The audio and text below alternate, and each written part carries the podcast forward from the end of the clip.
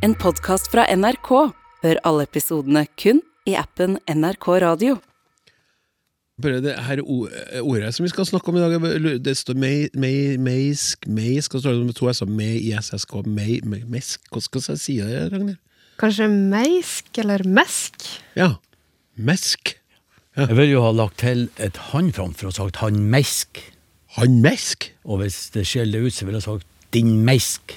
Din meisk. Ja. Blir du sur hvis jeg sier til deg, Olof, din meisk? ja, det er klart, vi har en konflikt da. Ja, ok, men da tar jeg tilbake.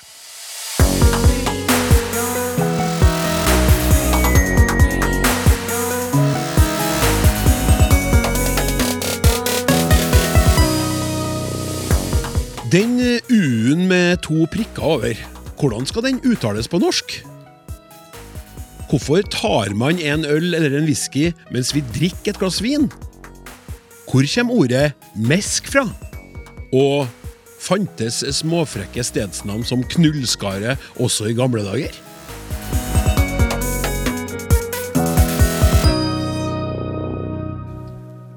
Sommermåneden juni er her, til stor glede for dem som har fått sola på besøk, mens andre knapt kan forstå det, der de står i sludden og hutrer. Norge er like langstrakt og mangfoldig som klimaet er skiftende og variert, men én ting deles av veldig mange av oss, uansett hvor vi bor. Interessen for våre norske språk, og for så vidt språk eh, generelt. Godt, da! At vi har Språksnakk! Programmet du hører på nå, der du spør om språk, og ekspertene svarer. Snakk krøllalfa nrk.no er e-postadressen, mens SMS-er de sender ut til 1987 med kodeord 'snakk'. Ukas ekspertpanel har det til felles at ingen av dem holder til i områder av Norge med stabile høytrykk og gunstige badetemperaturer. Vi har med oss eh, Ragnhild Eik fra Institutt for språk og litteratur ved NTNU her i Trondheim. Velkommen. Velkommen. Takk. Og så har vi flydd inn fra Bergen. Klara Sjo, Institutt for lingvistiske, litterære og estetiske studier ved universitetet der borte. Hallo igjen! Hallo igjen! Og så har vi fått med oss Olaf Husby fra Institutt for språk og litteratur ved NTNU. Velkommen til deg òg. Tusen takk. Ja, vi er jo fire stykker som er vant til at eh, været varierer. Det kan jo være fire årstider på en dag. Hvordan er det med dere tre når det gjelder eh, sommerværet? Er dere veldig opptatt av det? Kan dere gå gjennom en sommer uten å se sola og uten å miste humøret? Ragnhild? Begynner å bli vant til det, da. Etter noen år i Trondheim. Så Ja, hvor bodde du hen før, da? Hvor er det, hvor er det kommer du fra, egentlig? jeg bodde i Kristiansand før det. Så der har vi Svar sommer. rett tilbake til meg! Her var det litt flere soldager, tror jeg. Mm, Ja, ok. Men du, du holder ut? ja, Ok. jeg gjør det. Det er verdt det. Klara? Klara! Jeg er jo bergenser, så jeg syns jo at det må være en viss del grått og regn. Til de grader at når jeg har bodd utenlands der det har vært sol, så har jeg liksom etter en sånn to uker at med, ja, Skulle ikke vi få litt regn nå? Tuller du med meg? Nei. Syke, syke menneske! Olaf, snart en mannsalder nå i Trondheim-byen. Jeg blir jo ikke vedsjuk, for verden er jo rundt oss, og det går jo an å komme seg ut, oppleve varme, eller kulde, eller hva man vil ha. Ikke sant? Så det er helt greit det som har her. Det sier du, din godt bereiste emeritus. Men uansett hyggelig å ha dere her i studio. Skinner jo sola kontinuerlig. Eh, Så nå setter vi bare i gang og svarer på spørsmålene. Språksnakk med Klaus Sonstad. Hei! Jeg er en fast lytter og en språknerd som koser meg med språksnakk. Mitt spørsmål Hvorfor sier vi at man tar en øl, en whisky, en gin tonic, en sherry osv., mens vi sier ett glass melk, et glass vin, et glass vann osv.? Ser fram til et spennende svar. Hilsen Lenebjørn. Kristiansand, gitt. Ragnhild, det passer jo fint at du skal svare på det, som har bodd der og greier. Ja, ikke sant? Ja. Det passer godt. Har du et spennende svar til H. Lenebjørn, da? Jeg syns i hvert fall det var et veldig spennende spørsmål og en veldig god observasjon. Eh, som egentlig er ganske vanskelig å forklare, men som jeg har hatt det artig med å prøve å finne ut av, i hvert fall. Så vi finner i hvert fall starten på et svar. Og det spørsmålet det handler jo om ulike typer væske. Og væsker de er jo i utgangspunktet utflytende og uavgrensa. Eh, og så handler det om hvordan vi kan bruke språket til å avgrense de her utflytende, uavgrensa eh, mengdene. Og da er det nyttig å først snakke litt om forskjellen på det som er tellelig og ikke-tellelig. Altså det, typisk tellelige substantiv og ikke-tellelige substantiv. For det er vanlig i mange av verdens språk at tellelige ting og ikke-tellelige ting blir eh, behandla på ulik måte i grammatikken. Og norsk er også et sånt språk som bryr seg om noe er tellelig eller ikke tellelig. Ja. Så eksempel på tellelige ting kan jo være sånn som en bok, en kopp, et vindu. Lett å telle. Mens de ikke-tellelige tingene, eller som er vanskeligere å telle, kan være sånn som vann, snø, melk, olje osv. Vanskeligere å telle. Og norsk grammatikk bryr seg om denne distinksjonen, så vi bruker f.eks. mange når det er snakk om tellelige ting, som mange bøker, mange glass osv. Mens vi bruker mye når det er ikke-tellelige ting, så mye snø, mye vann. Sant? Så vi kan si mye snø, ikke mange snø. Funker veldig dårlig. Mye vann. Vi kan si mange vann, men da endrer det jo betydning. Da Det viser er det jo. Sånne, det- sånne fjellvann. eller Ja, ikke sånn. sant? Sånn, Til innsjø. Ja. Eller motsatt vei. Altså, jeg har ikke mange sko, jeg har mye sko. Ja, ikke sant? Det er, så, det er så mange at du ikke kan telle At de. du behandler det som en hel Klara sjo har mye sko. Ja. Ja, så du behandler skoene som en masse, som en utellelig masse. ja. Hun og Imelda Barkos. Ja. Eh, og så er spørsmålet hva gjør vi når vi språklig sett ønsker å avgrense og telle en sånn i utgangspunktet utellelig ting? Eh, som med snø, for eksempel. Vi kan ikke si mange snø, men vi kan legge til et tellelig substantiv, og så kan vi si en sekk med snø. Eller to sekker med snø. Da har vi en måte å telle disse tingene på. Vi kan telle vann, som vi var inne på. Si ett vann, to vann, tre vann. Men da får vi denne her innsjølesninga. Så hvis vi vil ha den substans- eller masselesninga av vann, så må vi legge til et ord som en liter vann eller et glass vann. Da klarer vi å beholde den lesninga av vann, eller en kjeft med vann. Eh, denne konstruksjonen der vi legger til et sånn tellelig substantiv for å telle det ikke-tellelige, eh, kalles gjerne pseudopartitiv. Saudopartitiv. Når jeg gjentar saudopartitiv. Og noen flere, flere term, termer. Vi kan kalle det første substantivet, som f.eks. i et glass vann. Det kvantifiserende substantivet. Og det andre kan vi kalle noe sånn som substanssubstantivet, som jo høres ut som smør på flesk. Legg også merke til at på engelsk, eksempel, vil du ikke si en sekk vann. Du må ha en liten sånn preposisjon, en off, a bag of et eller annet. Så her er norske eh, annerledes. Så det var, det var masse substantiv og tellige substantiv. Og da kan vi gå tilbake til spørsmålet, som altså var om disse ulike væskene, som i utgangspunktet er utflytende og uavgrensa masse substantiv, og hvordan vi kan bruke språket til å avgrense de. Og her har da Lene fra Kristiansand oppdaga to forskjellige måter som vi kan gjøre det på. Eh, vi kan si at vi tar en whisky, eller vi tar et glass vin. De to forskjellige måtene. Og spørsmålet sånn som jeg tolker det, er jo hvorfor må vi noen ganger spesifisere mengden med et ord som glass, f.eks., og andre ganger ikke? Og det er her det begynner egentlig å bli vanskelig å gi klare svar og konkrete regler for hvordan dette her, hva som egentlig er systemet. Det ser ut som det er snakk om mye både konvensjon og kontekst. Så vi kan prøve ut noen forskjellige substantiv, og så kan dere også dele deres tolkning av de substantivene. Hvis jeg var på bar og sa jeg tar en whisky, så er det underforstått at det er et glass whisky. Ja. Mens hvis jeg er på polet og tar en whisky, da er det kanskje ei flaske whisky jeg tar. ja, Hvis ikke så blir du kasta ut.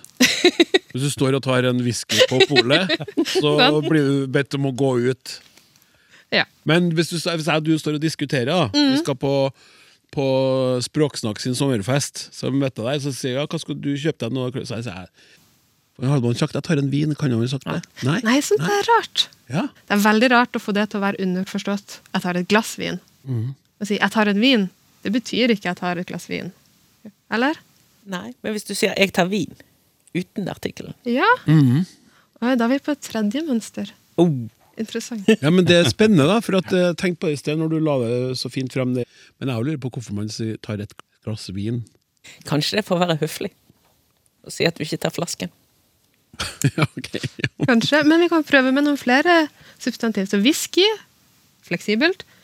Eh, jeg tar en juice på kafé, betyr jo at jeg tar en flaske eller kanskje et glass. Jeg tar en juice på butikken, betyr at jeg tar en kartong. Greit nok.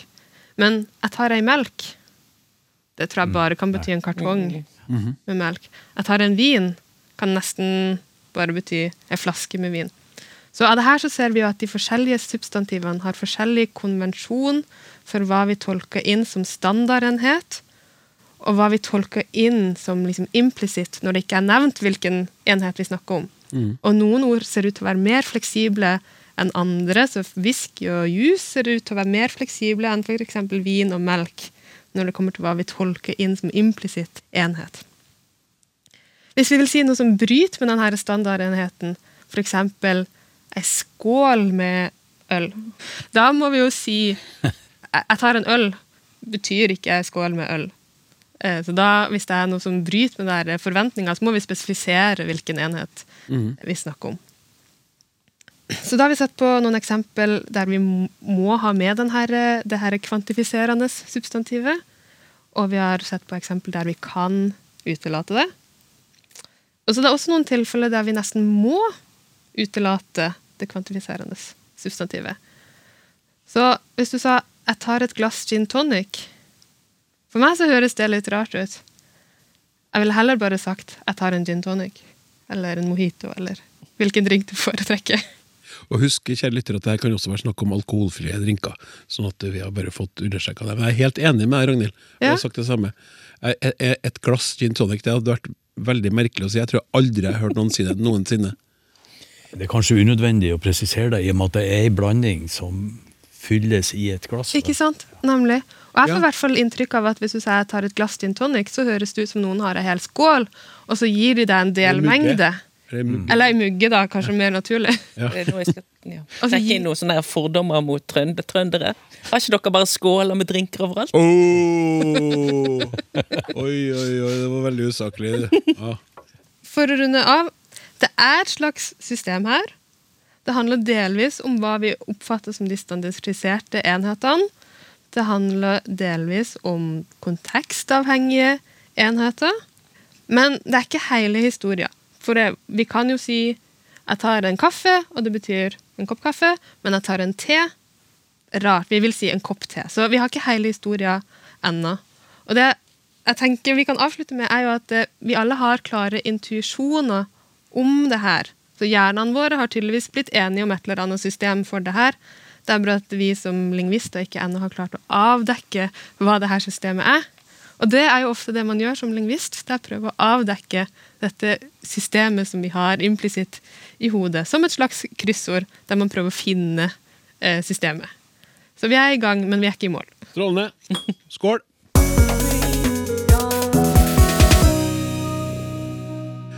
Her skal vi over til en e-post som har overskriften tonelag. Jeg har med stor interesse hørt på språksnakket om tonelag. Det skyldes at jeg i mange år har pendlet over fjorden med Bastøferjen til Moss og tilbake, og hver dag hørt den hyggelige stemmen som ønsker passasjerene velkommen, og fem minutter før vi er i havn igjen, ber oss gå til bildekkene. Jeg ser for meg at alle går og stiller seg ved hvert sitt bildekk, altså bilhjul, og tonelaget er eh, faktisk ganske utydelig. Bildekkene er vel der bilene står, med trykk på første stavelse, eller tar jeg feil? De er i tillegg utydelige på om de legger til havn, eller eh, vi vil snart ligge til havn, så vi ber alle passasjerene osv. Uansett, en høyttalerstemme som ikke gir helt god mening og unødvendig mange ord som ikke er tydelige som informasjon for stressede passasjerer. Kunne de ikke bare sagt 'gå til bilene'? Og 'vi kommer til Moss, eventuelt Horten, om fem minutter'. Hvorfor dette overdrevne, litt gammelmodige riksmålet? Jeg ble etter åtte år helt immun, men som pensjonist forfølger det meg fortsatt. Kanskje dere kan hjelpe? Vennlig hilsen Geir. Horten. Jeg er jo enig med Geir at når man er om bord på en båt og får instrukser, så bør de instruksene være klare og tydelige, sånn at man kan forholde seg til dem. Eh, Her var jo to eh, spørsmål. Det ene var om bildekk, og det andre var legge ligge. Og legge ligge tror jeg kanskje hun Klara kan, kan ta seg av hvis det, blir nødvendig. Men eh, Legger hennes hjerte nærmere, men du, du tar for deg bildekkene, da. ja, eh, det er jo et sammensatt ord bil pluss dekk. her er noe med tonelagene. Og nå er det, kanskje dessverre for lytterne, sånn at jeg har tonelag to i begge ordene. Om jeg snakker om eh, la kalle det dekket på båten, da bilene står, så er det et bildekk. Og der jeg har fire av på bilen min, det er òg bildekk. Mens noen her sier jo med tonelag én, altså det som er på bilen. Eh, På bilen har vi bildekk. Ja. Og du Båt, på båten så har du bildekk. Ja. Didi og Ja. Didi. Ja. Ja. Så her skjeller vi altså på, på tonelag 1 og 2. Og det er, eh, for å ha andre ord hvor det her er, er, er tydelig, så har vi det her som jeg har brukt mange ganger før, det her loven og loven. Ikke sant? Og det er akkurat de tonegangene som går inn og skjeller, kaller jeg gulvet på båten, og, og, og hjulet fra hverandre. For de som har det skjellet. Og uh, Geir han, er jo, han, har åpenbart tonedagsforskjell, mens den, han som jobber om bord, eller hun som jobber om bord og har lagt inn den beskjeden, ikke har det. Hvis jeg har, jobba på den båten, her, så ville jeg ha annonsert på akkurat samme måten. ja. Eller hvis jeg har vært litt klok, kanskje fulgt Geir sitt forslag og sagt gå til bilene. Eller, ja. Vi nærmer oss eh, land, så vennligst gå til bilene. ja. Ja. Akkurat. Ja, Greit nok. Skal vi bare ta kjapt innom eh, eh, ligge til havn? Ja, som bergenser så har jeg jo faktisk ikke dette skillet mellom ligge og legge eller sitte og sette. Det er Alt ligger og alt sitter. Så jeg, Det klassiske bergenske eksempelet er jo at du eh, ligger i ovnen og sitter på kaffen. Eh, Ja, ja, ja. ja. Det gikk litt tid. ikke legge i ovnen og sette på kaffen. Eh, Forstå at det går an å være så rar som dere er. til de grader at jeg hadde i min norsk grammatikk en liten sånn jukselapp med bøyningsmønstre der da jeg skulle undervise dette. Ikke, ikke si det til noen. Um, men det, det er jo sprer seg Vi ser jo faktisk det samme problemet at de ikke skiller mellom transitivt og intransitivt i engelsk. Blant annet så er det, dette en stor, stor diskusjon, sitt sett. Eh, og denne er liggelegge så jeg vet ikke om det sprer seg fra Bergen, men snart. Snart. Helt til Horten. Men kan du altså, Så du Jeg vil ligge til kai. Ja, ja nettopp. Ja, og Og, og, og, både i bevegelsen og det stasjonære. Ja. Nå ligger vi til kai. Nå ligger vi til kai. Ja, nettopp.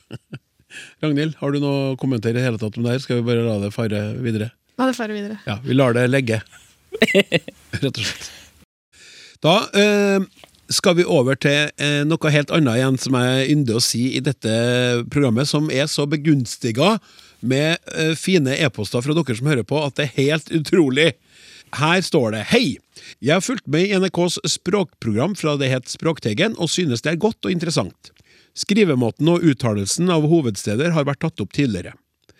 Jeg hører stadig at eh, Nå sier jeg da München, hovedstaden i delstaten Bayern, uttalt München med Y, altså en sånn U med tødla, Det er tødla, ikke sant? Jeg har gått på skole og studert i Tyskland og Norge og lært meg å forstå dialekter, delvis snakke i begge land. I Bayern snakker man sterke dialekter, men ikke så dominant i hovedstaden, og i alle fall ikke München. Ikke München. Min kone, som har hatt det meste av skolegangen i Norge, sier at hun lærte på skolen at på tysk uttales tøddel-u da, som y. Jeg har også avlagt eksamen i tysk på Universitetet i Bergen, og aldri hørt det som en regel. Jeg mener at det er feil, og at den u-en med tødla over i, München skal uttales som u, i hus, mus etc. München. München. Uh, Hitler Nei, det, han dukka brått opp her med han ene her, har noe, som hadde et spesielt forhold til byen München. München ble som kjent også omtalt som der Führer, Führer med tøddelø, som uttales som Führer og ikke Führer. Det som gjør det enklere å forstå og lære seg tysk sammenlignet med norsk, er at det finnes også høytysk. Det gjelder ikke bare i skriftspråk, men også uttalelsen. I Tyskland er man ikke særlig flink med å uttale den norske y, som jeg har to av i mitt etternavn. Stort sett sier tyskere i, da, Mikleby, han heter Mykleby, han her, eller Myklebu, selv om jeg gjennom mange tiår har prøvd å rette på det. Y er for mange tyskere en bokstav som er vanskelig å uttale. Jeg håper jeg tar feil i at skolene i Norge underviser uttalelsen av tysk U som Y. Nettopp hørte jeg på NRK også uttalen Brandenburger Thor som Brandenburger. Det samme gjøres også med, ofte med Hamburg, som uttales av flere nordmenn som Hamburg. Hvorfor uttaler man U som Y? Ja, det ble litt sånn kronglete, men jeg tror det Aksel Mykleby som har skrevet det her, mener er at den her tøddel-U-en, som vi gjerne bruker å si som Y, har en annen uttale som er mellom U og Y. Tror jeg, da. Og det har du helt rett i. Det er, det er, en, det er en sånn litt u, mellomsted mellom u, norsk Y og norsk U. Eh, og vi har det ikke denne på norsk. Eh, så når vi skal lære når du går i Det er vel åttende man begynner med tysk, hvis man begynner med tysk og skal lære det, så tar du den lette veien. Da går du på den som ligner mest, og det er ofte Y. Så da blir det eh, ikke Hamburg, men derimot München. Men går du på universitetet, så får du nok litt mer eh, strengere instruks i å si U enn Y. Ja. For da sa du en sånn er sånn som U. Ja, U. U. Tysk er ikke mitt språk, så, U. sånn ja, men slags hører forskjell, ikke sant? Så er det en forskjell fra U nå. Ja, Hvis du U, sett leppene mine, så ser du at de står, mer ut på en Y. U. Så går de litt ned og inn, som Olav kan de rette ordene for. Men det er sånn det ser ut i speilet. Ja. Sånn at vi går for den letteste veien, og vi blir jo mer eller mindre forstått. Og han klager jo også over at tyskerne ikke kan si hans Y, eh, som i Mykleby. Og det har han også helt rett i, for Y er en kjempevanskelig bokstav. Jeg har brukt mye tid på å undervise norsk til utlendinger, og Y Jeg må innrømme at jeg ikke alltid har brukt like mye tid på han, fordi at man blir forstått med en Y, Y. Vi har jo til og med dialekter i Norge som ikke har Y. Og da er det noe med Hvor mye tid skal vi bruke på den ene lille lyden når vi blir forstått? Språket er jo om å forstå og ikke om å være perfekt. Og så får vi håpe at det kommer litt overens. Men det er en veldig sånn her pedagogisk og beste middelvei tilnærming på det, da. Kikkeliki! Ja, eller, Kukkeliku! eller 'Lusen er så vakre i kveld', som det ble sagt av en kollega av meg. er så vakre i kveld. Ja, Hun så på lysen over Bergen. Ja, nettopp. Men vi skjønte jo hva hun mente etter vi lo litt. Ja. Men uh, Olav har jo alle de fine ordene på dette. Han har jo til og med tatt med sin tyske lydlære der borte, ser jeg. Ja, det er jo egentlig sånn finmekaniske ting når man skal lage den her uh, tyske uh, vokalen. da. For at når du skal lage den lyden, her, det er jo tre ting du må gjøre. Du må ha tunga Bevege den vertikalt opp og ned, du må bevege den fram og tilbake, og så må du ha ei lepperunding. Og de tre tingene skal kombineres. Og når vi sier vår Y, så er det spikra. Tunga og kjeven og leppen går på plass med en gang, så blir det en norsk Y. Ja. Vi, ikke, vi tenker ikke på det. Akkurat det samme for tyskerne. Men målet for de to bevegelsene er forskjellig i de to språkene. Så den tyske lyden, den med U med tøddel, som du har brukt, den ligger lenger fram i munnen enn den norske. Så den, den ligger på en måte midt mellom norsk Y og norsk U. Når, når jeg da skal lære tysk, så må jeg må bestemme er det Y eller U. Ja. Og da dette ned på den ene eller den andre. Og nordmenn ser ut til å dette ned på en norsk Y. Det er ytterst få kanskje som sier munn, munnkjenn. Ja. Skal man spesialisere seg i tysk, så får man trent på det her. ikke sant? Jeg er kanskje ikke helt enig med at vi skal hoppe over norsk, norsk Y, ikke sant? For Uh, du- Ja, Vi skal ikke hoppe over den, Nei. men det, vi skal ikke bruke veldig mye tid på å perfeksjonere den heller alltid. Nei, men vi må kanskje uh, Men vi må snakke om den. Ja, og den tyske eh, U-lyden da, må man òg bruke tilsvarende tid på hvis man er norsk for å få på plass. ikke sant? Men klart, gjør vi ikke det, så får vi en aksent som på en måte med å identifisere oss og gir oss kanskje litt, litt, litt spillerom. her. Men hvordan ville du, Olaf, ha uttalt den tøddel-U-en, den tyske? Hvis du eh, begynner med en norsk Y, Y. ja, og så tar du en norsk U U. Nå kan jo du prøve å peile det inn i sånn Y, Y. U, U. Y, Y. ja. U. Så det blir en som blir midt i mølla her. Fyrer. Ja. Og hvis vi vil ha Fyrer. Fyrer. Fyrer. Fyrer. Ja. For jeg sjekka på Google Translate. Ja. Den digitale stemmen på tysk sier fyrer. Altså nesten. Ja. Og den y-en, da. Fyrer. Fyrer. Fyrer. Nå skal vi nok ta hensyn til at det er en digital eh, stemme òg, altså. At det kanskje er noe slags kompromiss. det er jo bare sånn startfasen av ja. KI. vet du. Om noen år så er det umulig å høre at det er en digital Det her kan vi gå inn og måle, skal ikke si på millimeter, men på hertz. Så kan vi gå inn og måle, og vi kan få et eksakt fingeravtrykk på en måte, hvor den norske eh, U-en, Y-en og den tyske U står hen. Så jeg har et veldig fint skjema her som på en måte plasserer de inn. Ja. Så kan vi jo sammenligne språk, og så ser vi jo da, når man har et gitt morsmål og skal lære et annet språk, hva som er, er preferansen, da, ikke sant? Når han sa dette med Brandenburger tårn og hva var det for uh, Hamburg. Hamburg. Hamburg. Altså det, da blir det overkorrekt karriere. Du ser en U, og så bare overtenker du Nei, og det er jo en Y. Det er sånn rare Altså Det er en sånn fe- feilkobling i hjernen. ja. du, du ser tøddeluer overalt, og så blir det y. Ja. En annen lyd òg i, i, i, München. Jeg, jeg vil jo si München. Jeg syns du sa München. München, ja. Ja, og da Du sier ikke den kje-lyden, München, men du bruker slyden. ja. Og da ramler du inn i en, en norsk regel som sier at hvis du har sj pluss n, så kan du ta bort en, og det blir det München, ja. som er ganske forskjellig fra München. ja. Ja. Og det er vel München vi, eller München vi skulle ha sagt. Eller? Når vi, Ja. jeg, altså, jeg er jo litt sånn tilhenger Når vi snakker norsk, så kan vi bruke noe tilnærmet uh, f- norske uttaler.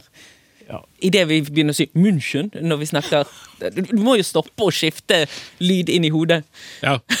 Ja, tysken er en ting, det kan vi jo litt om, så da har vi mulighet til å ta på oss Det er jo masse lånord som vi har fra et språk der vi ikke kjenner fonologien i det hele tatt. Ja. Så da blir det jo veldig vanskelig å skulle ha fonologien til akkurat den dialekten i det språket som du har lånt Ja. ordet fra. Så det er kanskje litt mye å kreve, tenker jeg.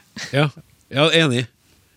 Skal vi si at vi setter en foreløpig strek der og håper at Aksel Muk Mu- Muklebu Mykleby Mykleby sier seg fornøyd. Eh, Hei, jeg heter Orosh. Eh, Favorittordet mitt er gunstig, og det er fordi man kan bruke det til å forklare veldig god teknologi, og det er et gunstig ord. Da jeg nylig søkte opp en adresse på norgeskart.no, ble jeg oppmerksom på et stedsnavn i nærheten av denne adressen som hadde et navn av et grovere kaliber. Navnet i dette tilfellet er Knullskaret i Melhus. skriver en lytter. Og vi skal snakke mer om det senere i episoden, men først til et ord som virkelig skapte engasjement, nemlig gjennomtrekk. Det starta med et spørsmål om ordet gjennomtrekk fantes på andre språk, altså som ord. Og gjett om det gjorde! Vi fikk ikke nevnt nesten noen når vi prata om det i sendinga, men det har kommet inn så mye fine eh, e-poster og SMS-er eh, om gjennomtrekk at vi må bare ta noen av dem. Hei! Jeg lysner ofte på Språksnakk for å lære meg mer om det språk som omgir meg her i Norge. Når ni nu senest pratade om gjennomtrekk, var det ingen som tok opp det jeg tror er den svenske motsvarigheten, som er tverrdrag. Det defineres vinddrag tvers igjennom et rom. Vennlig hilsener Anna-Lena. Og så har vi fått, også fått inn fra flere andre svensker korsdrag i tillegg, da. Herlig. Hei! Gjennomtrekk fins på tysk, ja! Da jeg, innvandret tysker til Trondheim, hørte gjennomtrekk for første gang, slo det meg at det er akkurat det samme. Durchsug. Gjennom, durch, trekk, sug, med betydning av luft, ikke jernbane. Jeg bruker ordet i ikke overført betydning, som gjennomtrekk av ansatte. Hilsen Heike Frese. Hola! Det er ikke mange andre ting min spanske mor synes er farligere enn gjennomtrekk. På valenciansk, katalanskdialekta fra Valencia-regionen, heter det uh, corrent, Det skrives correntiair, men jeg tror det er correntiaira, correntiaira, som betyr bokstavelig luftstrøm. Beskjeden om å lukke dører eller vinduer for å unngå å være al corrente de- leira i luftstrømmen eller i trekk har jeg fått mange ganger i løpet av min oppvekst, skriver Miguel Angel Segara Valls. Så kommer det fra Liv Unni Reistad Fosse. På fransk brukes betegnelsen løpende vind. Corandeur. Corandeur. Takk for et fint program. Og så her kommer det fra Ketil. Hei! Vi har hatt besøk av vår brasilianske svigerdatter, og det viser seg at portugisisk har et begrep for gjennomtrekk. Vento encanado. Direkte oversatt betyr det vind i kanal. Gjennomtrekk er like sykdomsfremmende i Brasil som i Norge. Og til slutt i denne fantastiske bolken Hei!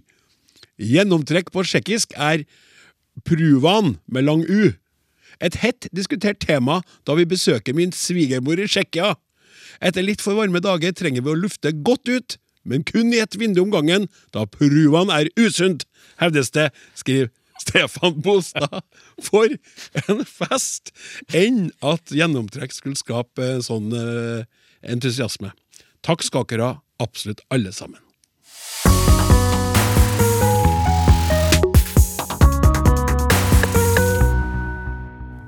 Ja, da skal vi ta for oss eh, bannskap igjen da, her i dette Ringe språkprogram. Hei, Klaus og ekspertene! Mine foreldre er henholdsvis fra Steigen og Sørfold i Nordland. Utgangssteder med nokså brede dialekter og et rikt utvalg av kraftuttrykk. De fleste av disse egner seg nok ikke på riksdekkende radio, om enn kringkastet fra Trøndelag, men det er ett ord min nå avdøde mor ofte brukte som jeg har lurt på. Ordet er meisk. Jeg sier bare sånn, nå så får vi ta justeringer etter hvert. Uttalen kan for øvrig indikeres, indikere at det kanskje burde staves med to s-er, da man gjerne må ta litt fart når det sies. Meisk. To standarduttrykk hun brukte det i, da normalt sagt i en viss ironisk, spydig, irritert tone, var først skrevet på dialekt, deretter oversatt til bokmål, står det pedagogisk her. Det må han meisk mesk vett. Det må Meisk vite. Det skulle han meisk gjøre. Det skulle han mest gjøre. Jeg skjønner både intuitivt og ut fra det lille jeg får å treffe ved søk på nettet, at det refereres til djevelen, Satan, men jeg skjønner ikke noe av opphavet til ordet. Noen av dere som kan belyse etymologien? Med vennlig hilsen Bjørn. Ja, nå kikker jeg bort på deg, Ragnhild. Ja, Ja, jeg syns det var et artig spørsmål. Og jeg har også slekt fra samme område, så det gjør det ekstra spennende, syns jeg, da. Eh, og eh, som Bjørn skriver, så har han jo skjønt fra sammenhengen at det handler om et kraftuttrykk, eh, og at det er et annet ord for eh, djevelen. Og det, det stemmer, eh, det. Og, em, kjært barn har mange navn, så vi kan kanskje slutte at djevelen er veldig kjær i norsk språkbruk, for vi har jo også eh, Satan, Fanden, Gammel-Erik, Han Tykje osv. Eh, meisk, eller mesk, eller åssen vi skal uttale det. Det er litt ulik uttale i ulike deler av landet. Eh, som referanse til djevelen opptrår, opptrer også i ordene svartmesk, eller gammelmesk, eller mesk-ola. Har vi òg. har aldri hørt det der. Nei. Det er så eh, spennende. Ingen varianter av det, og ikke hørt det mesk før. Nei, og jeg var heller ikke så godt kjent Sjøl med slekt fra området? Sjøl med slekt eh, Ja, ja. fra, fra området. Ja. Bjørn spør jo om etymologien, og det skal vi komme tilbake til å prøve å svare på. Som kraftuttrykk så har jo de forskjellige djevelnavnene fått litt ulik utvikling. Vi har ulik eh, geografisk fordeling for de forskjellige navnene, eh, men de har også litt ulik styrke eller valør. eh, Eller bruksmåte. Og her har faktisk Olaf eh, førstehåndskunnskap, har jeg skjønt. Ja, mor mi hun bantes aldri. Men det hendte jo at det oppsto situasjoner hvor det var nødt til å ta i, og da kunne hun referere til han Meisk. altså. Sier du det? Hun kunne se ut av vinduet og si 'nå tror jeg Meisk er løs', Ja. når det var dårlig vær. Merker meg jo her, ikke sant? Innsenderen nevner jo òg at det er ei dame som har, som har brukt det. Så kanskje er det en form for bannskap som er regna som såpass mild at, at damer kunne bruke det. For en del av de andre bannskapsordene tilhørte kanskje mer mannfolk enn en, en, en hva de gjør nå. da. Og det, med, det du var inne på med at det, det kanskje er en mildere form for banning, det har jeg også fått rapportert, rapportert fra de jeg kjenner som er kjent med uttrykket, at det oppfattes som en ganske sånn mild, eh, mild banneform. Ja. Eh, som ja, da også kan brukes av, av eh, damer sånn, tidligere, når det var forskjell på, forskjell på det. Damebanning. Damebanning.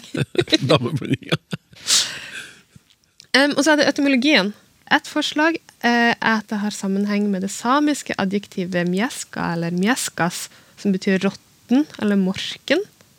Eh, dette finner vi i hvert fall i lulesamiske og nordsamiske ordbøker. Og det andre det er at det har sammenheng med men eller mein, som vi kjenner fra varige men, eller en skade, som også har vært brukt om noe som er hindring, eller noe som heter bry. Eh, og som vi også finner i mened, altså falsk ed eller falsk forklaring. Også denne men, dette men-leddet.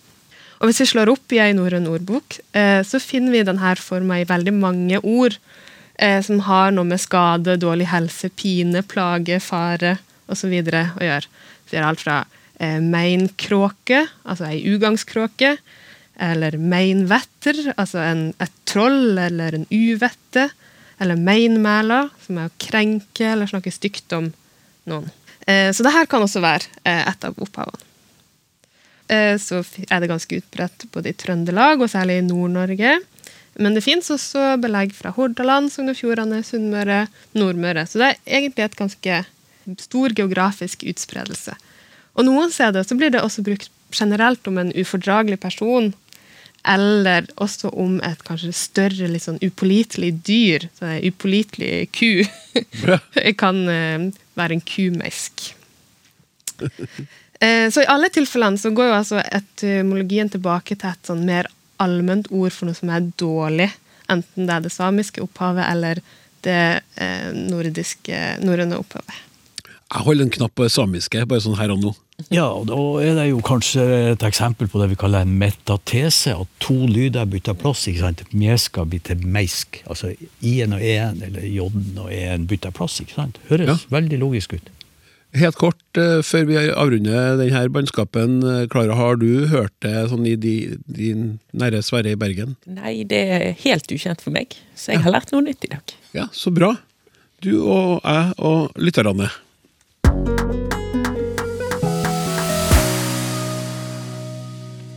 Hei, Språksnakk! Jeg jobber som norsklærer i ungdomsskolen, og har dermed fått i oppdrag å lære ungdommen, ungdommene å skrive på to forskjellige måter. Nå er det slik at elevene mine må lære å skrive på nynorsk, selv om mange knapt behersker bokmål, så hadde det vært koselig om man kunne gjøre dette litt lystbetont. Jeg har fått med meg at dere ved flere anledninger har snakka om ordbokene eh, som er utarbeidet av selve Språkrådet og UiB, Universitetet i Bergen, representert her ved Klara Sjo, som jo jobber med ordboka. Ordboka er det siste blitt veldig oversiktlig og greit å bruke, grei å bruke, men det finnes et stort men. Så hvis dere skal ha flere program om denne ordboka, kan dere da spørre hvem som har laget eksempelsetningene. Og om det er noen krav til sinnsstemninga til vedkommende. Nå sitter Klara og flirer her. For du skjønner, kjære innsender, at vi skal det vi holder på med nå. Hvis du slår opp på verbet å ende, får du følgende eksempel på bokmål. Elevene endte skolegangen med toppkarakterer. Brukt som adjektiv etter endt tjeneste. Men dersom du sitter i en nor- nynorsktime på skolen og endelig har motivert deg selv til å slå opp i verbet for å sjekke om det skal være endte eller enda i fortidsformen, så ser du følgende eksempler. Han enda livet sitt for ega han, brukt som adjektiv, flytte hjem etter enda studium. Gleder meg til å høre forklaringa på dette fenomenet. Legger samtidig inn et ønske om hyggeligere stemning i nynorskordboka. Det trengs! Hilsen Anita i Tromsø. Eh, fantastisk spørsmål. Tusen takk, Anita. ja ehm, Jeg har faktisk tatt dette spørsmålet tilbake igjen til redaksjonen, så vi har ledd litt av det, og så har vi skammet oss litt av det. Og det er faktisk ikke det eneste eksempelet på forskjell mellom bokmål og nynorskboka som jeg har fått der nynorskboka har kommet negativt ut. For eksempel har vi ordet gasje. Der man i eh, Altså penger som man får. Eh, livsgasje, eksempel. Eh, og i bokmålsboka så har man en gasje på 400 000, mens i nynorskboka så har man en gasje på 250 000. det er Sant? Så jeg vet ikke. eh, nå, nå jobber jo vi med redigering, så det som står der, masse av det som står der, er det jo det gammelt, og det ble, var to forskjellige redaksjoner som satt hver for seg. Vi sitter jo da sammen og redigerer bokmål og nynorsk samtidig, så vi prøver jo å lage de likere. Men den her, med ende, er faktisk en av de nye. Så jeg har jo konfrontert hun som har eh, skrevet den, og sagt hvorfor er du så negativ i nynorskboken? Det hadde hun ikke lagt merke til. Og Da skal jeg hoppe litt tilbake og si hva er egentlig vitsen med et eksempel i ordboken. For de eksemplene som vi har i bokmål- og nynorskboken, det er det vi kaller redaksjonelle eksempler. Eller redaksjonelle døme. Eh, det er ikke direkte sitat. Det viser eksemplene i sitt, eller ordene i sitt naturlige miljø. Nå sitter jeg og gjør sånne gåseøyne med hendene vi baserer oss på et korpus, altså store mengder data, der vi ser liksom, og da finner du noen liksom standardformer. Altså da ende skolegangen er en veldig vanlig formulering vi ser, men også endelivet sitt er også en formulering som vi ofte ser. Og det som har skjedd her, er jo antagelig at fordi vi sitter med begge to samtidig, så putter vi den ene i den ene, og den andre i den andre. Og vi prøver jo da, fordi at det er en ubalanse i nynorsk og bokmålskorpus hva man har skrevet om på nynorsk, og hva man har skrevet om på bokmål. Så vi ser blant annet det er mye mer øl i, bok, i nynorskordboken enn i bokmålsordboken. Er det sant? Det er helt sant.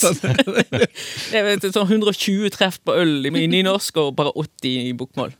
Så vi prøver å balansere og gi litt mer øl til bokmålsfolk. Jeg, jeg prøver å putte alle caffè latte-eksemplene inn i nynorskboken, alle bondegårdene inn i bokmålsboken. Så utrolig fascinerende. For at det, det er et sånt balanseelement, som du sa, eller, eller sånn at, at du har et eksempel som er sånn, så har du et eksempel sånn, og så må du putte det ene der og det andre der. Men så blir det en slags sånn helt ubevisst eh, sånn et valg av hvor man plasserer det. da. Ja, og det, altså, det blir jo litt ubevisst, og så er det litt hva, hva du putter først og hva du putter etter. Så det, det er litt ubevisst. Jeg har notert og sagt at vi må være mer positive i nynorskboken. Det syns jeg jo faktisk er helt sant. En annen sånn ubalanse som vi har, det er jo det at i korpsstøvøret, tradisjonelt, alt som har blitt skrevet, der har man ordet han ca. dobbelt så mye som hun. Så det, det å faktisk da skrive oftere hun Hva gjorde hun for noe nå? Hun var på radioen. Hun flytta hjem etter enda studium. Ja. Ja. Det er en sånn her eh, bevissthet at du må, du må ha en han og en hund. Mm. Men det vi ofte da ender opp med å gjøre, putte han i bokmålsordboka, hun i nynorsk, eller hun i nynorskordboka. Så det er bare sånn Nei, bytte om. Hva Ja. gjorde vi sist? Og så sitter vi der og husker ikke helt hva vi gjorde. Vil hen òg komme inn der, tror du? Hen står som eh, ord, oppslagsord i ordboken. Det er jeg Ja. som har skrevet. Eh, ikke si det. Eh, men eh, vi, vil, vi bruker det ikke som eksempel Nei. Eh, foreløpig, fordi at det, vi venter på at det skal komme litt mer i bruk i eh, språket. For det som sagt, vi baserer oss på det som er skrevet. Jeg må bare få si én ting til om sånne døme, fordi at vi har bare døme eksempler som vi lager sjøl. Hvis du ser på de to store norske ordbøkene, altså Norsk ordbok på nynorsk og uh, NAOB, eh, Norsk akademisk ordbok, så har de både sånne redaksjonelle eksempler, der de da viser det typiske selskapet til et ord, og så har de direkte sitater. Og der står det ofte hvor sitatet er fra. Så det er liksom den utvidede versjonen av dette for å se hvordan det ser ut i virkeligheten, og ikke bare i hodet til en leksikograf. Fordi at det har blitt silt gjennom hodet til en leksikograf, og vi er ja, litt unormale av og til. Men vi, altså, som sagt, jeg har tatt det med tilbake, og vi vil jo også gjerne gjøre ordbøkene bedre og gladere, ikke minst. Ja. Så ja. Er det, er det også en begeistring over å, å få det her blikket ut? Det er litt sånn eh, nesetippen og det at man ikke du, du er så oppi det, ikke sant? Og man jobber jo hardt for å komme gjennom det. Veldig mye materiale, veldig, veldig, veldig, veldig, veldig mange ord. Og veldig lite tid. Og veldig lite tid, så er det litt, litt sånn godt òg å bli sett på den måten. Det er en flott observasjon, det er en Ja. viktig observasjon. Ja, altså Vi er veldig glad for alle tilbakemeldinger vi får, fordi at det er da vi ser at det vi Vi ser at det er en endring. De, de ser, altså folket, ser at det er en endring i ordbøkene, og det setter vi stor pris på. For det er jo noe Det er ikke så lett å tenke på at det er noen som sitter og skriver de der ordbøkene. Det, det, vi er ikke så mange i Norge, eh, sånn at det, det er en litt sånn skjult yrke. Så vi er veldig glad når noen setter pris på arbeidet vårt. Og Anita i Tromsø, du er nå hørt. eh, med, ikke, og du, har du, du har skapt latter og glede i, i, i ordbokredaksjonen i Bergen, som nå har eh, fått øynene opp for noe de må følge med videre framover. Hei, mitt navn er Amalie, og mitt favorittord er smil, fordi at det sprer så mye glede. Hvis jeg har litt sarte lyttere, så må vi være klar over at nå kan det jo bli litt sånn heftig her, da. Eh, Overskrifta på denne e-posten var 'knulling og puling'. Rett og slett, Jeg sier det rett ut, det står det. Så skriver vedkommende 'Hei! Som antydet i emnefeltet har denne e-posten en noe grov eh, undertone, men det tåler vi vel'. Da jeg nylig søkte opp en adresse på norgeskart.no, ble jeg oppmerksom på et stedsnavn i nærheten av denne adressen som hadde et navn av et grovere kaliber. Navnet i dette tilfellet er Knullskaret i Melhus. Det er Trøndelag her, da, rett utafor Trondheim byen. Jeg nevnte dette til min kollega, som umiddelbart lurte på hvor gammelt dette, gammelt dette navnet kunne være. For hvor lenge har vi hatt slike ord i språket, og hvor lenge har vi åpent og hverdagslig snakket om sex? Vi landet på en teori om at dette var så tabu i gamle dager at ord som eh, knulling, puling og lignende derfor ikke kan være så veldig gamle, med den betydning de har i dag. Er vi inne på noe her? Ellers takk for et flott program, skriver Marius. Vi kan være ganske sikre på at folk drev med det her før i tida også, Olaf. Altså det ordene, de her grove ordene står for. De drev sikkert ut i naturen òg. ja. Men eh, ja, hva tenker du? Det er jo det er et par ting, i hvert fall, de lurer på. Men uh, har du funnet ut hvor gammelt Knullskar-navnet er, da? Altså, Ordet eh, knulle finner man jo altså Nå må vi jo først være oppmerksomme på at det her er egentlig to ord som har falt sammen i ett. For det, det ordet som han som ligger til grunn for knullskaret, er ja, for å ta en, en, det ordet vi bruker i dag, er knoll. Altså en kul, en haug. Selvfølgelig. Men det er jo ikke like morsomt. Nei. Jeg Må jo ikke si det? Men det sier Knollskara ingen som reagerer på! Ja, det sier litt om naturen rundt, og det gjør det jo ofte. ikke sant? Når ulike naturformasjoner blir beskrevet, så, så følger det et ord som beskriver de. Høg, brei, djup, stor. ikke sant? Og her er det en, åpen, en, en plass blant er noe hauger, litt, litt uh, kupert terreng. Så, så det her med at det ordet blir grovt, det er jo ikke grovt i seg sjøl. Det blir jo ikke grovt for at vi tilfeldigvis får et annet ord som betegner det samme. ikke sant? Og så blir det kanskje litt artig å, å, og, ha det navnet levende så, som man kan ha og, og flire av. Hvorfor det ikke er normert å endre til knollskaret, det vet jeg ikke. Men den lokale uttalen er sikkert eh, knullskaret. Mm. Jeg tror han har rett i at, at, at eh, her er et visst tabupreg, sånn at sånne navn kanskje unn, unngås, iallfall i, i, i, i, større offentlige sammenhenger, mens man kan ha kanskje for seg sjøl i, i vennekretsen en eller annen plass som man betegner med litt mer, mer dristig. Men det er jo noen navn i norsk som, som i hvert fall eh, jeg var med å fniste til når jeg gikk på, på, på folkeskolen. Hvis det sto Fitjar, eksempel. Mhm. Oh, ikke sant? Ja, ikke sant? Ja, det er jo like eh, sør for Bergen. Så. Ja, ikke sant? Og det det er jo ikke noe med, med, med, med, med plassen i og for seg, men det er noe med at her er en del av ordet som knyttes opp mot et tabuord jeg har, som gjør at det blir, at det blir artig. En annen plass som heter fett, ikke sant? Ja. Sånn at, eh, at eh, Vi har jo tidligere i denne serien snakka om homonymer. ikke sant? Det er jo, det er jo, det er jo lydlige sammenfall og, og skriftlige sammenfall som gjør uh, at, at ord får denne formen. Også for oss framstår det her som tabuord. Egentlig så er det altså helt normale, greie ord som beskriver noe annet.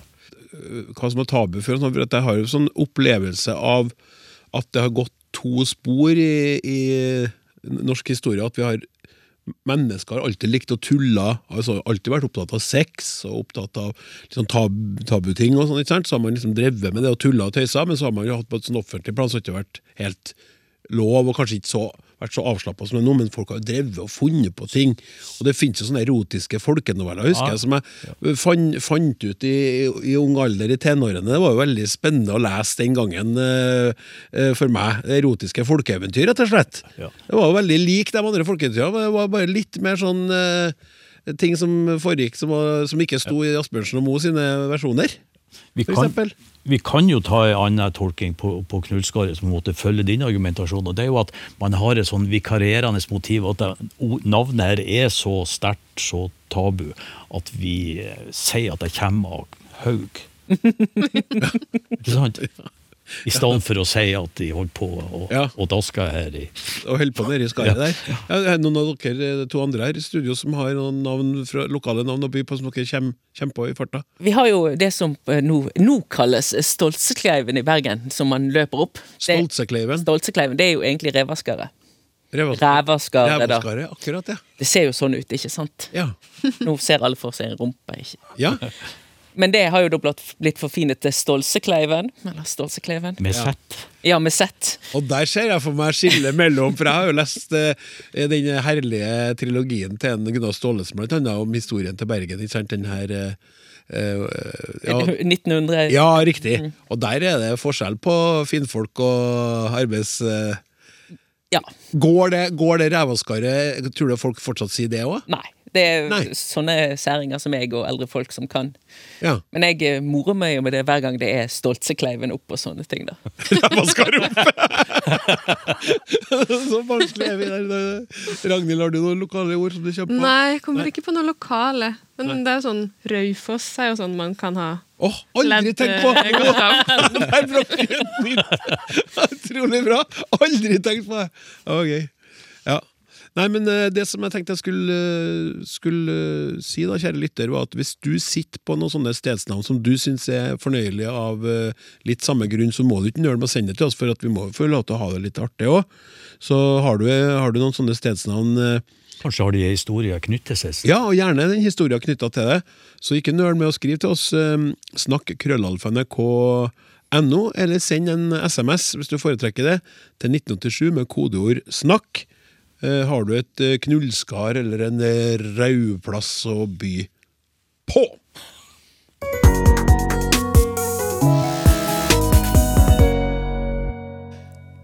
Hei, og takk for et interessant program. Hørte i en episode at dere jobbet for husfreden. Og det gjør vi. Vi prøver å løse, i, løse opp i tvister mellom samboere, kjærester og eh, eller ektepar. Så kanskje dere kan avslutte en diskusjon som har pågått noen år her i heimen. Noen år, faktisk. Er mast dialekt for mistet, eller er det en talefeil? Hilsen Cecilie, 35 år, Bergen. Har vi noen mulighet til å hjelpe til i denne tvisten som har pågått i flere år i den heimen? Ja, det tenker jeg vi kan bidra med. Ja. Eh, spørsmålet er er det eh, dialekt eller er det talefeil. Og jeg tror vi kan slå fast at det er dialekt. Ja. Og vi har jo en ekte bergenser med oss, så vi kan jo egentlig bare spørre. Ja, og som ekte bergenser som får dette spørsmålet jevnlig, ja, det er helt riktig å si at det, i går mast jeg noe ned. Jeg sier det. Er det, er det sant? Ja, ja. Jeg var overbevist om at Nei da. Jeg får stadig Sist, for mindre enn en uke siden, høyt utdannet kvinne som hadde barn som er bergensere, men ikke bergensere selv. Barna mine sier 'mast', er det noe galt med de? Er det noe galt med de? Det er jo ikke det. Men det er jo sånn at når folk eh, bøyer verb på en annen måte enn det vi er vant til, så tenker vi at her er det noe sånn noe som har gått galt, noe barnslig, eller noe feil mønster som har, eh, som har kommet inn. Ja. Eh, Det som har skjedd, er jo at miste, eller misse, som opprinnelig er et svakt verb, har fått sterk eh, bøying i Bergen.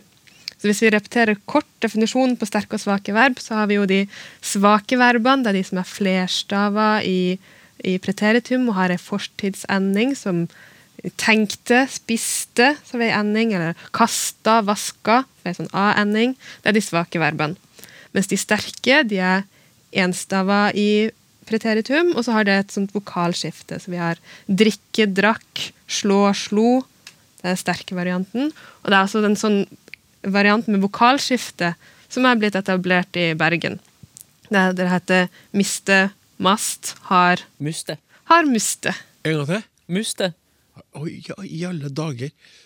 Miste mast Har Muste. Eller egentlig, ordentlige bergensere, altså de som snakker mer gatebergensk enn meg, de sier møsse. Uten T. Ja. Så det er nok eh, den opprinnelige formen der som har kommet inn. Eh, og vi finner eh, blant annet i bergenske ord og vendinger så står det da at det misse, møsse i parentes, eh, miste i mer dannet dagligtale. Altså mi, miste dannet dagligtale, mistet. Og møsse, det er 20-gutt-terminologi, ja. står det. Det som er kult i dette tilfellet, er jo at vi har et, sterkt- et svakt verb som har blitt sterkt. Og det er ganske uvanlig. Vanligvis er det sånn at sterke verb blir svake over tid. Så det at eh, bergensere har utvikla en sterk variant av et verb, det tenker jeg egentlig bare vi må eh, applaudere. Det er jo, det er jo kjempekult. Eh, så var det opp til meg, så hadde vi alle fulgt etter. Kjempemessig jobbet. Fantastisk der borte. For dette mønsteret med sterke verb, at vi har en sånn vokalveksling når vi bøyer verbet, det oppsto i urindoeuropeisk, altså språk som ble snakka for eh, Det varierer anslag, men 4500 til 2500 år før vår tidsregning. Der oppsto det her mønsteret. Så det er kjempegammelt. Og så er det ikke så mange verb igjen som gjør det her. Eh, Men det er altså noen eh, som vi finner i flere eh, europeiske språk. Og når da noen har liksom begynt å utvide det her til flere verb, så er jo det ganske stilig, tenker jeg. Noen ganger så hører man det også hos barn at de kan si sånn tisse tass istedenfor tisse tissa. Eller å strikke strakk istedenfor strikke strikka, en annen variant som man hører, hører av og til. Denne her misse, det, er- jo ikke bare jeg som driver og sier rare ting på miste. Altså, det som er litt gøy med miste, er jo at denne misteen som kommer inn her, er egentlig en preteritum, ikke det form som kommer inn Altså, det misse var i norrønt, og så på et tidspunkt så tok de en T-en fra preteritum, altså mistet, inn og tok det som verb, altså som infinitivsformen. Jeg er ikke helt sikker på hva som skjedde der. Så det liksom startet sin egen nye alternative misteverb. Eh, Men så har vi jo sånn som Olav, som heller ikke sier miste. Nei, jeg sier og, must. Ja. Ja. Som ligger, ligner jo egentlig ganske mye på mast. Ja. Har du med te? Ja, i det både, både og- meg, altså, jeg vil jo si jeg musta Ja. bilnøklene og, øh, og, si, og must, og must. Det er kanskje litt avhengig av hvor fort det snakker. Men det er i hvert fall M og en Ø. Ja. Og den ser vi ganske masse treff på. Jeg har drevet og tittet på hva som står i norsk ordbok av forskjellige varianter av å miste, altså de norske talemålene. Og det er mye møsse, mysse, misse Altså en eller annen vokal mellom to, en M og to S-er. Ja. Eh, og den T-en, den har da Jeg mistenker danskene. Jeg mistenker ofte danskene for å gjøre ting. Eh, og Den har nok kommet inn der. Og det er jo derfor vi i Bergen har skille mellom de som har sagt møsse, altså tjøguttene, og de som har sagt miste, som er da de pene på kalfaret. Men kan jeg spørre, i nåtid, i presens, hva, hva vil du si der? Miste. Ja, med tonelag men- én. Ja. Men hvis Ja. jeg hadde snakket Gadbergen, så hadde jeg sagt møsser. Ja.